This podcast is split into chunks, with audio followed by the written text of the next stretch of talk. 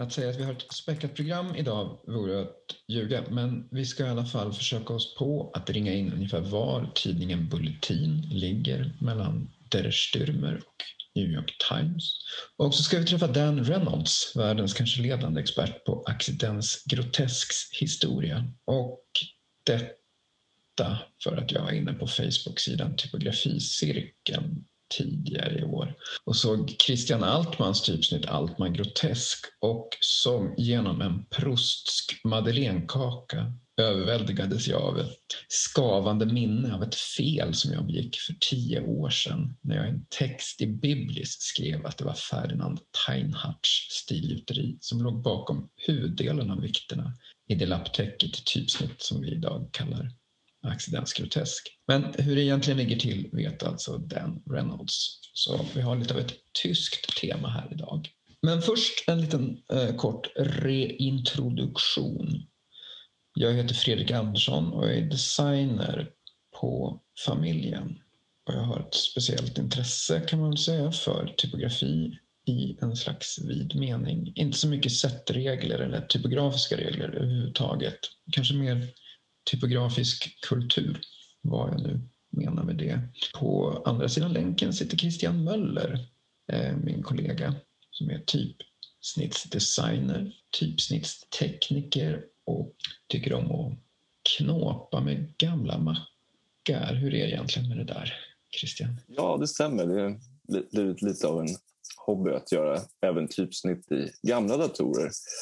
Och jag var trött på alla de här emulatorerna som fick en att uppleva den här eh, känslan, bara nästan. Så att, eh, nu står det ett tiotal gamla Macar från Macintosh 2 till Plus och Quadro och allting här så att jag ska kunna grotta ner mig i pixlarnas värld. Hur ser eh, framtidsbranschen ut för att göra typsnitt i den sortens miljöer? Ja, jag trodde att den var död. Men sen visade det sig att Stockholms lokaltrafik hade, de hade ju köpt in så här, gamla LED-matriser, skyltar för um, olika trafikslag. Och det är ju praktiskt taget låg, lågupplösta skärmar. Eh, så att jag använde ett eh, gammalt typsnittsprogram som heter Fantastic Plus från 87 för att skapa de här uh, bitmap-fonterna. För det är ett otroligt snabbjobbat program i en SC30 SE30 är en, en persondator från Apple som kom 89. Vart får man tag på de här grejerna? Är det till Ebay eller?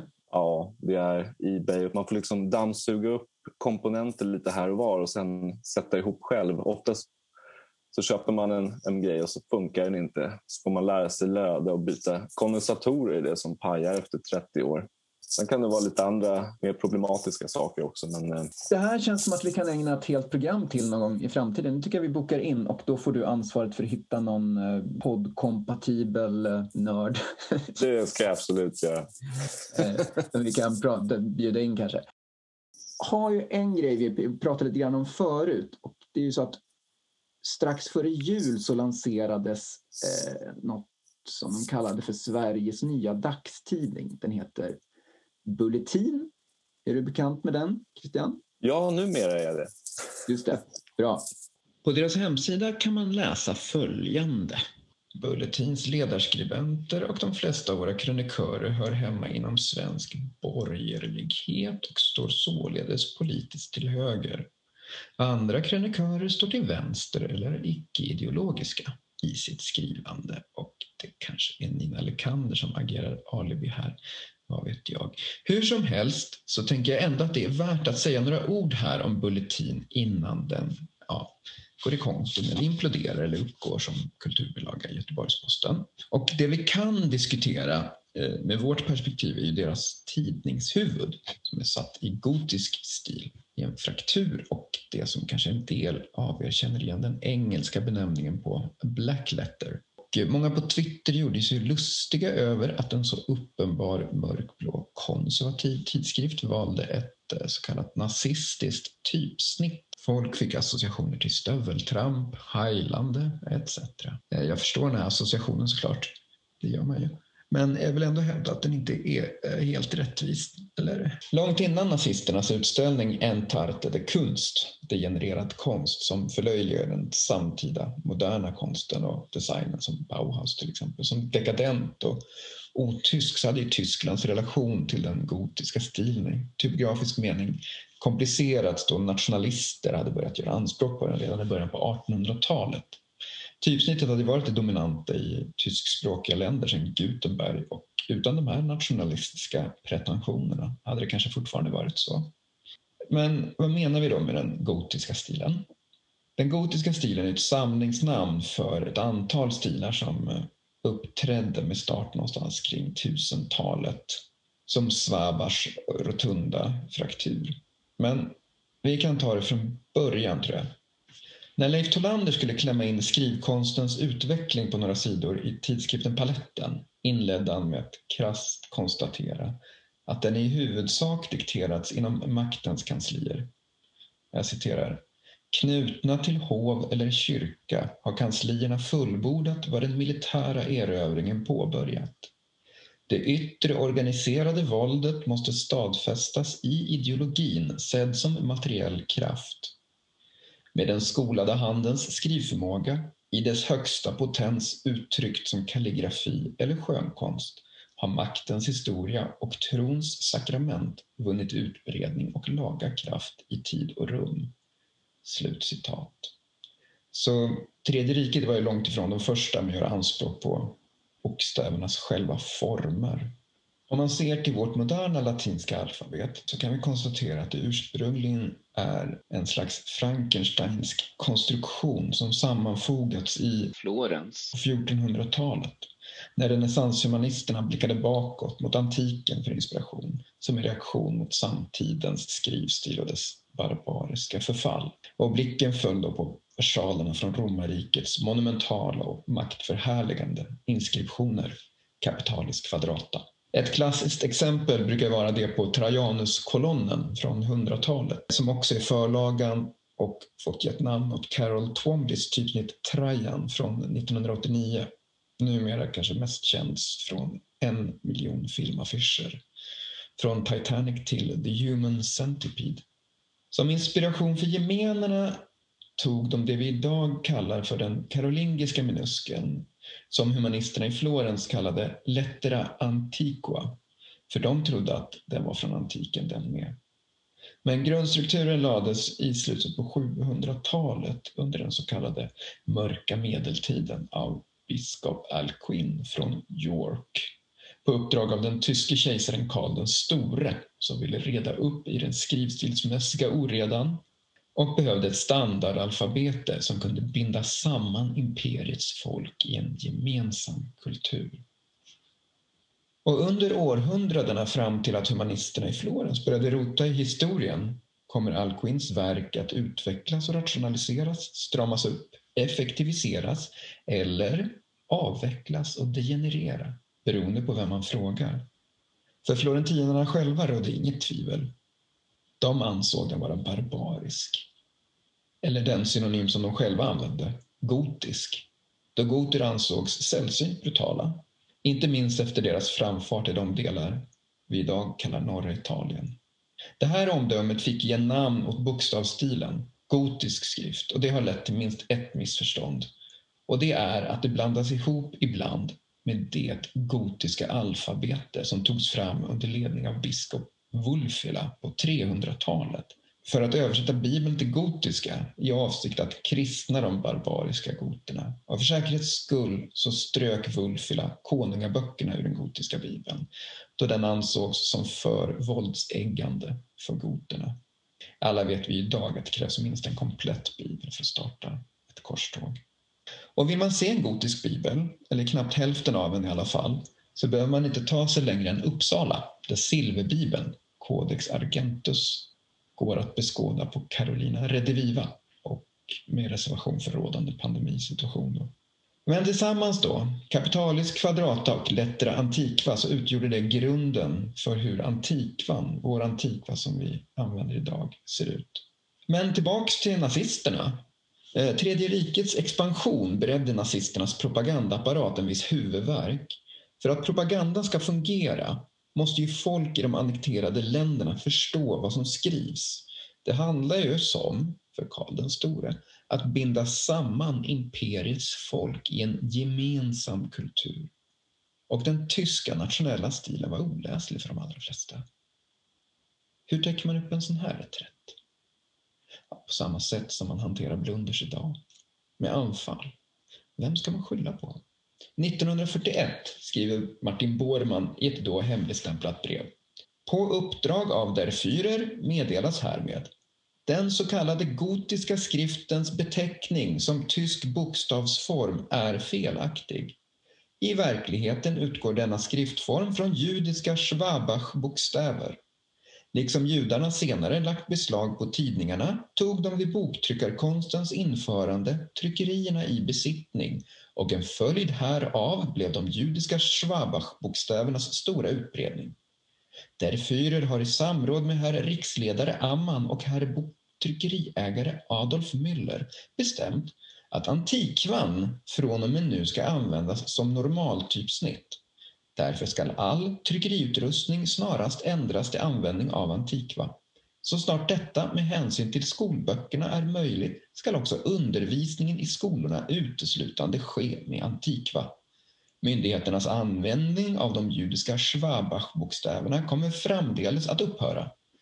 Utnämningshandlingar, gatuskyltar och liknande kommer från och med nu att endast utföras med antikva.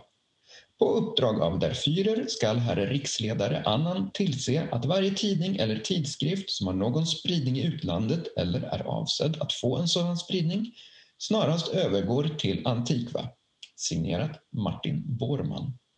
Och detta skrivet då på ett brevpapper vars brevhuvud är satt med fraktur. Så där tar nazisternas kärlekshistoria med den gotiska stilen slut. Men hur har den överlevt som tidningshuvud? Ja, det har mer med kommersialism än nationalism att göra. För som tidningshuvud är stilen en del av en tidningshuvuds tradition som går tillbaka till 1600-talet då de första tidningarna började dyka upp i Europa. I England ges tidningen Courant ut i sju nummer. Tidningshuvudet sätts i fraktur. Hela tidningen sätts i fraktur. Den blir inte så långlivad, men det här maneret att sätta åtminstone tidningshuvudet i fraktur överlever. Typografihistorikern Stanley Morrisons tes var att fraktur används specifikt i tidningshuvudet då det var den enda stilen som var tillräckligt fet vid den här tiden och som kunde fånga både tillräckligt mycket trycksvärta såväl som läsarens uppmärksamhet. Och det lever ju kvar än idag. I Sverige har vi Barometern.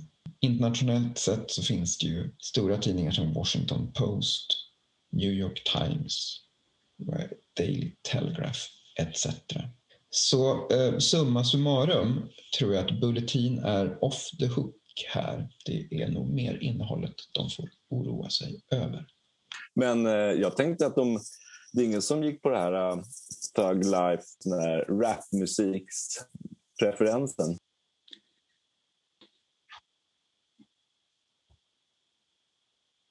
Om man ser Per Gudmundsson och Ivar Arpi så är det inte riktigt Thugs Life man tänker. Detta en Bulletin.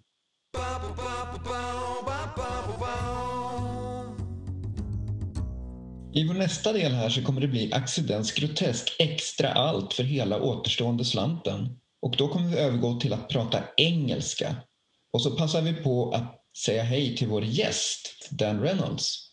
Hello, Dan. Okay, hello. Now I'm unmuted. Where are you located, Dan? I uh, live in Krefeld in Germany.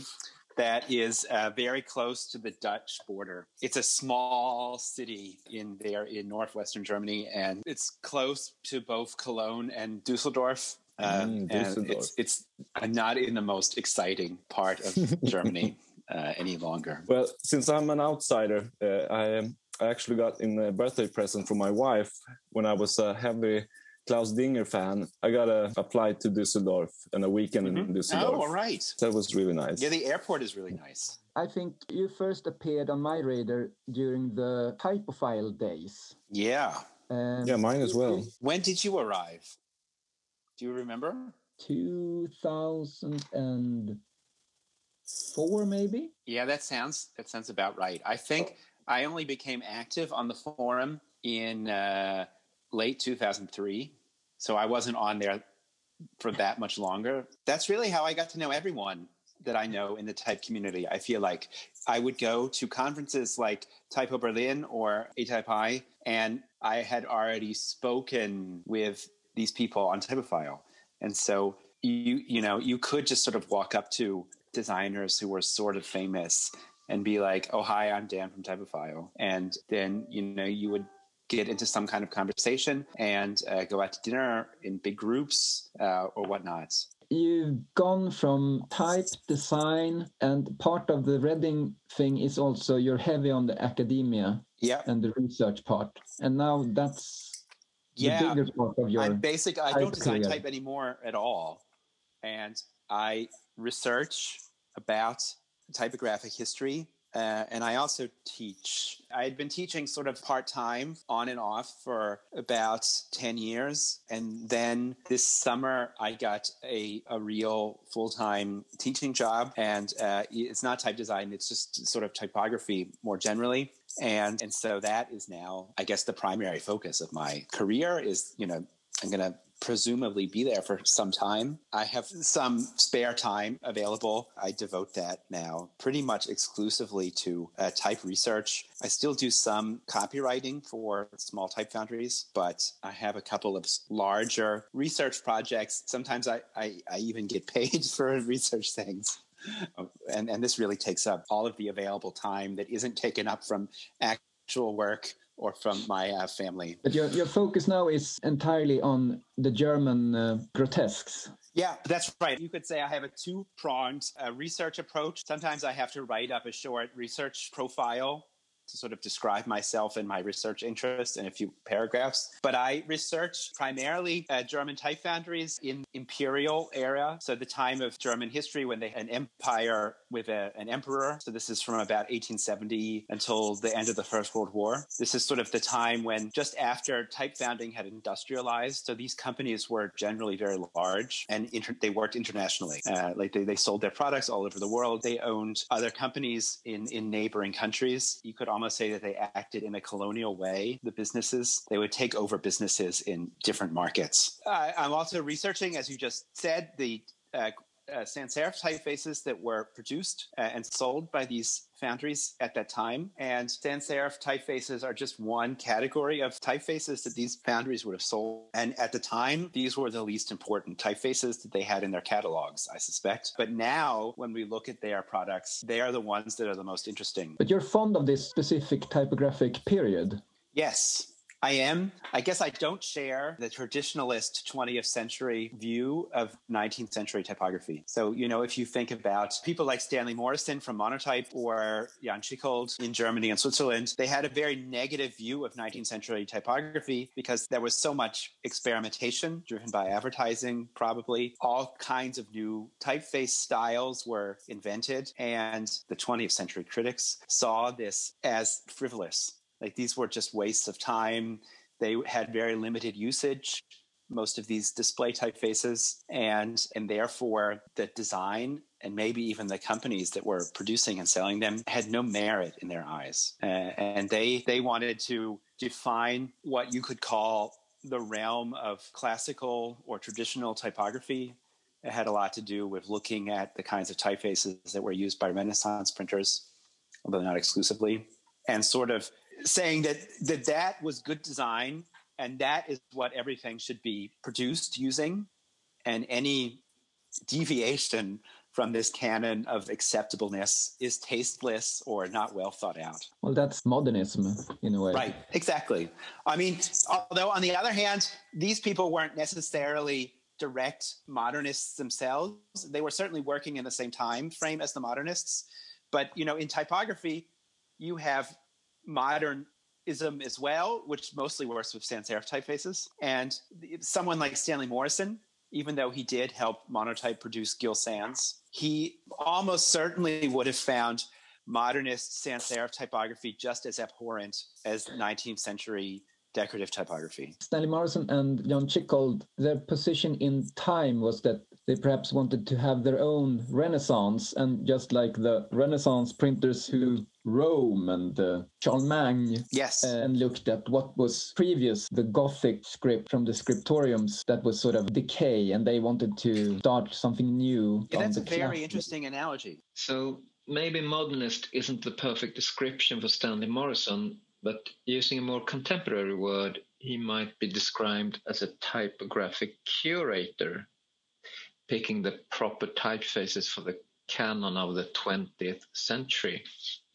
Maybe? Yeah, I like that analogy as well. I think the idea of Stanley Morison as a typographic curator is a good description of the work that he did at Monotype. You remember I, I wrote to you about my my sort of a mistake uh, 10 years ago and I'm now making amends in a way because I wrote trying to explain to everyone the roots of Akzidenz-Grotesk by saying it was Ferdinand Theinhardt. I read again what I had written and I, I seem to have written it was the Ferdinand Theinhardt Schriftgießerei. Mm-hmm.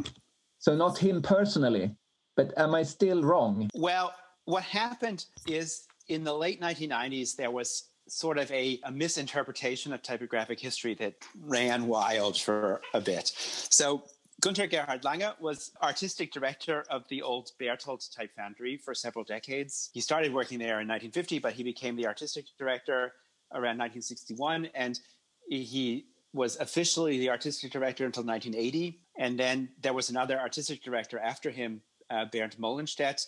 But of course, Lange still remained involved with the company, even if he had sort of on paper stepped back from this prominent role as being the company's artistic director. And he had a very strong position within the German typographic community. You could certainly say that Gunter Gerhard Lange in West Germany had a position that was similar in terms of the way that designers and printers might have thought about him to the way that Stanley Morison operated in Britain in the 1920s and 30s. He was sort of the go to figure for a lot of general society when it came to typographic matters because Berthold was this large company and he was responsible for design decisions uh, when it came to new Berthold typefaces. He was also instrumental in convincing Berthold to move from casting foundry type to creating phototype setting machines, which is the reason that Berthold remained in business until the early 1990s instead of closing in the early 1970s probably. And Gunter Gerhard Lange, after he had sort of really officially retired, uh, after Berthold went bankrupt in, in 1993, he uh, spent time looking at old type specimens. Of course, this is something that he had done during his entire career, but he developed some theories of, about things he then uh, talked about, especially at design conferences. And he had found a a type specimen catalog produced by the Theinhardt Type Foundry, which was one of the companies that Berthold acquired uh, in the early 20th century. And he saw samples of Royal Grotesque and Akzidenz-Grotesk in this Theinhardt catalog. And without any additional evidence, he claimed that this was proof that the typeface had not been created at Berthold, but that Berthold instead got the typeface through the purchase of the Theinhardt foundry. And this is unfortunately an incorrect assumption because, and I think it's easy to, to recreate the situation around the Theinhardt acquisition because of the vast number of other sources uh, describing these foundries and their products that were in print at that time. So in the early 20th century.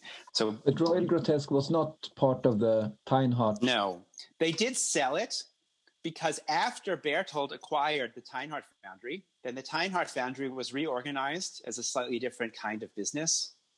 And they continued casting and selling the typefaces that they had been so- selling already for decades. But they also started selling Berthold typefaces because essentially from 1908 onward, there was no difference between Theinhardt and Berthold. They were both part of one large company. And the the type specimen pages in the Theinhardt specimen showing Akzidenz-Grotesk and Royal Grotesque or Royal Grotesque have on their page footers the name of the per- post Berthold acquisition reorganized Theinhardt company. So it's clear that these are printed after the time that Berthold acquired the company. And there's also significant evidence in other sources by which you can date when Akzidenz-Grotesk as a Berthold product first came onto the market, and even when Royal Grotesque as a product from Berthold came onto the market. This was all before this sort of magical 1908 date. And these sources aren't things that Lange took into consideration. That wasn't exactly the kind of research that he did. And the story got a little out of control, I think. In 2002, uh, Lange gave uh, an interview with a Swiss typographic magazine. And he, you know, a small part of this interview was him speaking to the reporter about the history of Akzidenz-Grotesk and Ferdinand Theinhardt's supposed role in the typeface. And there's a number of basic facts that are incorrect in the statement, like he said that Theinhardt was born in the wrong city, etc. And you know, in a normal newspaper or news magazine or even design magazine piece, you would fact check this before you print it. But this was an interview of a famous designer. When a famous designer says something, I guess you just print it because, well, it's what he said, it must be right. And so for a number of years after that, people just took it on face value that the information that Lange had presented was correct. And it was only in about 2007 that uh, Eckehart Schumacher-Gebler, who's a, an, an elder German printer, did some research into the topic and was able to present information stating that Lange's claims were incorrect. But that was all done in German, in Germany, and the information didn't get out for about another 10 years. The actual roots of those connected weights of Akzidenz yeah. Grotesque, where are they initially from? Well, they're all from the Berthold foundry, although the very first weight, the regular weight, can conceivably have been produced in Stuttgart at a company called Bauer and Co. Akzidenz-Grotesk, the regular weight, the first weight of the, of the family, was published by Berthold in 1898. And around Christmas 1897, Berthold acquired Bauer and Co. in Stuttgart. And the, the letter forms look exactly like a typeface that Bauer and Co. had produced in 1894 from a typeface called Schattierte Grotesque, which is just the Akzidenz-Grotesk letters with a drop shadow. Um, okay. And so yeah. it seems to me that the most likely scenario is that some point between 1894 and 1898, either people working inside the Bauer and Co. company in Stuttgart or people working at Berthold in Berlin saw Schattierte Grotesque and thought, you know, this is a good design. We should produce another version of this that's a normal typeface without a drop shadow. And that is probably the design decision that led to the product we know as Akzidenz-Grotesk. I think that the, the you know the typeface may have been produced in this time of acquisition in Stuttgart, both because it was definitely Bauer and Co. in Stuttgart that produced the Schattierte Grotesque earlier design, and also because there are two design patent registrations for what seemed to be the same Akzidenz-Grotesk design from early 1898, one from Bauer and Co. in Stuttgart, and a later, slightly later one from Berthold in Berlin, and they seem to be describing the same typeface. The thing with these records, patent registrations, is that Germany's design patents as records, the filings don't survive, but the notifications about the filings survive because they were printed in a government newspaper. So we, we know that this product was being worked on in some capacity, both in Stuttgart and in Berlin at a time when this was one company in two locations. But what each of these submissions to the patent offices would have looked like, we don't know because those aren't records that survived. That's quite some um, detective work. Well, it's all possible these days too because of the internet. This is information it would have been difficult for Gunter Gerhard Lange to do in the 1990s. I mean, first of all, Lange wasn't a historian, he was a type designer. And of course, being a type designer doesn't mean you can't do history. I mean, I'm a type designer who does history, but Lange, his professional focus was clearly on designing and editing typefaces. And he did not do much historical writing and research in sort of the academic sense. So the sorts of things where I talk about secondary sources that discuss these things. That's part of the general historian's toolkit. And it's not something that a designer necessarily knows about unless they take academic classes in history. But these patent registration records, I was able to find these things and browse through them because these have all been digitized now. And that makes the searching for them much easier than it would have been beforehand. Because specifically, these patent registration listings, these design patent registration listings, every day there must have been dozens of them made in Germany at the time. So looking for them in printed newspapers is like looking for a needle in a haystack. It's essentially impossible, I think. I wouldn't do it in an analog way, but because these things have been digitized, you can use sort of the power of digital methods to do keyword searches and find things quite easily. This research you've been doing, when or has it, by the way, has it? When will it be finished? Oh my god is it sort of an eternal project or is it a, where's the deadline? I think it is an eternal project because there's no deadline. This is sort of like the problem we have side projects is that they don't have the same kind of definitions that say typical client work would have. A client says i have this much money and i need this deliverable by this date. Make it work. I, I know that's a simplification of the client process, but you know, like you have certain variables that I don't know. I don't know how much time. I have no deadline. I have no. I don't know how much time is available. Like I can tell you how much time I have available to work on this next month, but today in two years, I don't know what my life is going to look like, and I'm not I, I, won't know if I have any time at all to devote to this kind of research at that point. And it's not entirely true that there's no budget for this because I do have some theoretical money that I can devote to this hobby. But there are also people who are occasionally willing to pay me to research things that are adjacent to this project. And then I can sort of feed things from that work back into it. So, like if someone were, let's say you had a type foundry and you are going to create a typeface that was based on a specific sans serif typeface published by Schelter and Giesecke in Leipzig in 1890. Then you might email me and say, Dan, I really like this historical typeface, but I don't know very much about it. And I think that when I publish my interpretation, there should be a 4,000 word illustrated post about the history of it all on my website. Will you do that?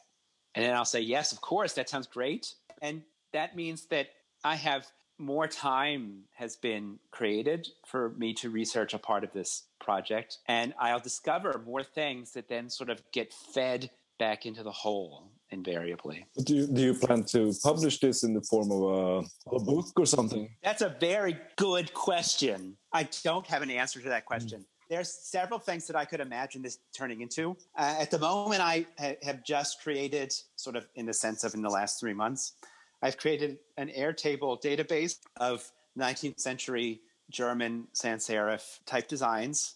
And that is a public database project that I'll feed more information into uh, with time. So I've collected a lot of information that lives in Excel spreadsheets and I want to move all of this into a database so that it is more user friendly, not just for other potential researchers, but also for me. It's very hard to find things anymore if you have a, an Excel table that has 1200 ro- rows in it. So that's one thing. That's definitely going to be the next thing that sort of becomes available. I mean, I said it was public. It's sort of it exists on the internet and you can't find it, but I send people invitations when they ask and then they can look at it and like Airtable isn't a social media platform like Flickr. You know, you can't just sort of stumble upon someone's project and see it all.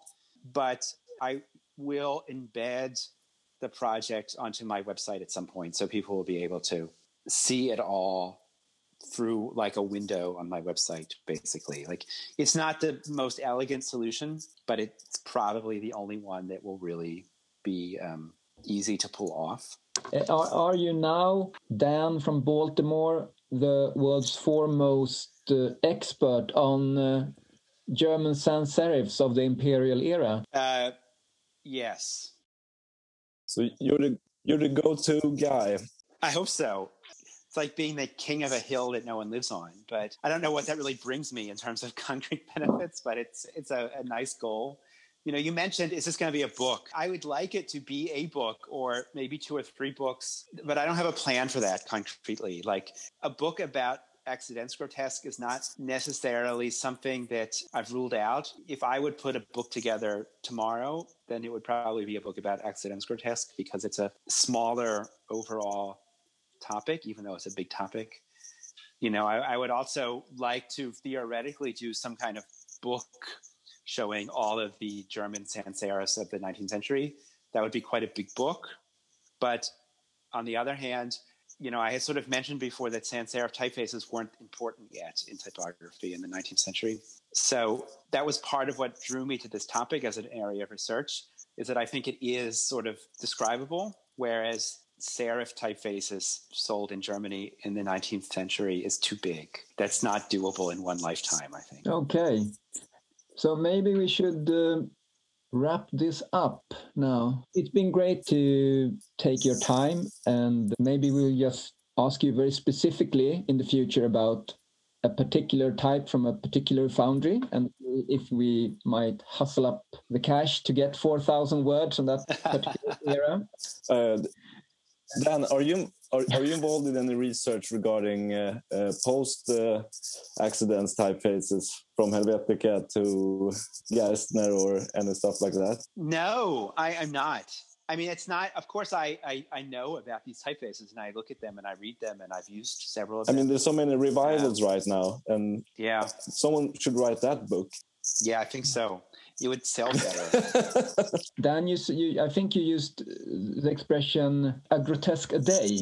yeah, yeah, it, it, certainly feels like every day there's another revival or new take on, you know, not necessarily Akzidenz-Grotesk exactly, but sort of these old pre-Helvetica sans serifs. It really does seem like there's a new reinterpretation of these old models every day.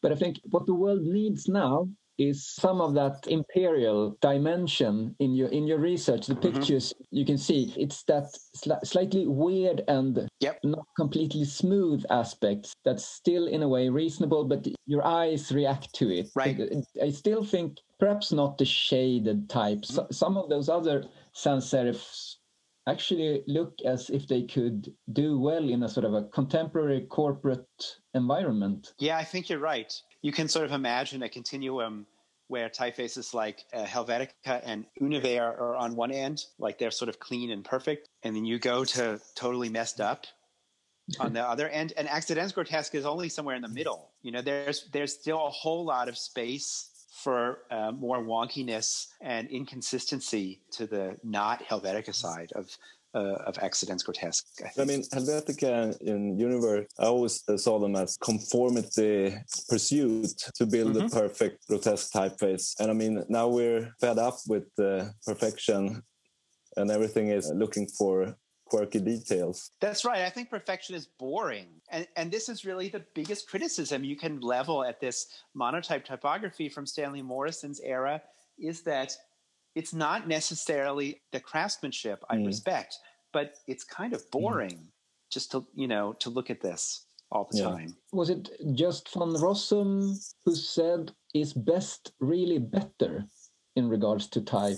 Oh yeah, that's a good that's a good quote. I mean, I think that some of this is cyclical. Like you, you know, trends come and go and come back again, especially Helvetica. But like I think even in this is 15 or 16 years ago now, but Jeff Keedy wrote in one of the last couple of uh, Emigre issues that we were then at that time living in modernism 8.0 and which means that by now we must have modernism 10.0 or 11.0 or something and there will be another one. There will be a modernism 12.0 it, it, will always come back. And in the meantime, when everyone doesn't want a clean and perfect sans serif, then I think we can explore the space where sizes don't match each other and individual letters don't match each other and maybe the weights of the uh, of the typefaces don't match each other you know it's it's interesting to think about this in the context of variable fonts because variable fonts allow the seamless interpolation between weights and widths and sizes and